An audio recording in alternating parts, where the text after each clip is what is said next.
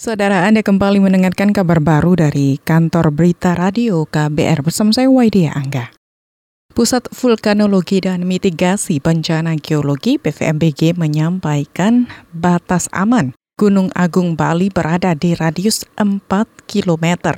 Kepala Bidang Mitigasi Tata Usaha PVMBG, I Gede Swantika, mengatakan saat ini Gunung Agung masih dalam status siaga Menurutnya, letusan tanggal 24 dan 31 Mei karena adanya pembiasan gas saat ini dari tanggal 24 letusannya agak besar ya, tanggal 31 juga agak besar itu. Tapi impact daripada letusan itu hanya dalam radius per kilometer. Gitu. Di luar itu masih aman.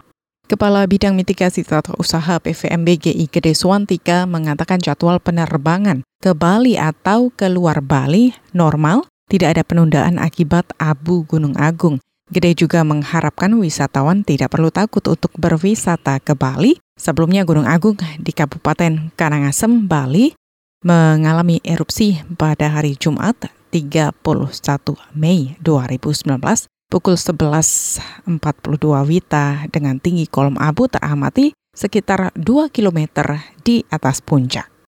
Beralih ke informasi selanjutnya, pengamat militer dan intelijen Jerry Indrawan menyambut baik keterlibatan Komando Operasi Khusus Gabungan atau Kopsusgab dalam upaya pemberantasan tindak pidana terorisme. Jerry menyatakan TNI memungkinkan untuk terlibat dalam operasi pemberantasan teroris bersama dengan kepolisian sangat positif. Saya justru dari dulu sangat mendukung keterlibatan TNI uh, eh, dalam pemberantasan terorisme. Karena dalam studi keamanan ya, uh, studi keamanan ada yang disebut konsep uh, sekuritisasi. Sekuritisasi itu adalah konsep di mana keterlibatan militer dalam hal ini untuk menangani hal-hal yang uh, dirasa mengancam keamanan nasional sebuah negara. Terorisme malah sekarang sudah bukan lagi mengancam keamanan nasional sebuah negara, malah dianggap seperti ancaman perang.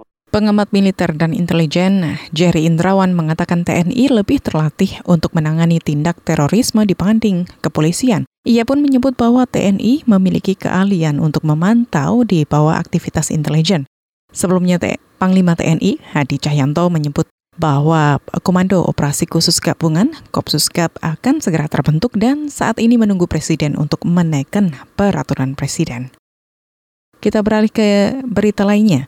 Kepolisian Daerah Metropolitan Jakarta Raya Polda Metro Jaya membenarkan telah memperpanjang masa penahanan terhadap tersangka kasus dugaan upaya makar Egi Sujana. Juru bicara Polda Metro Jaya Argo Yuwono mengatakan masa penahanan Egi ditambah sejak 3 Juni 2019 lalu dengan durasi waktu selama 40 hari.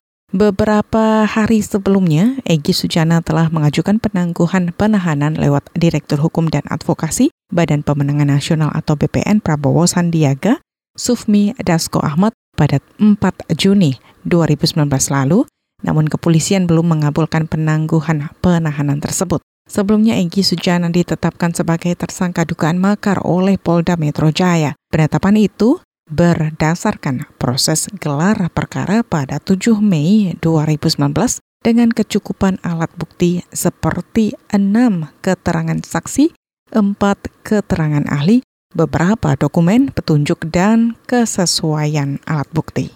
Saudara demikian kabar baru dari KBR saya Waidia Angga.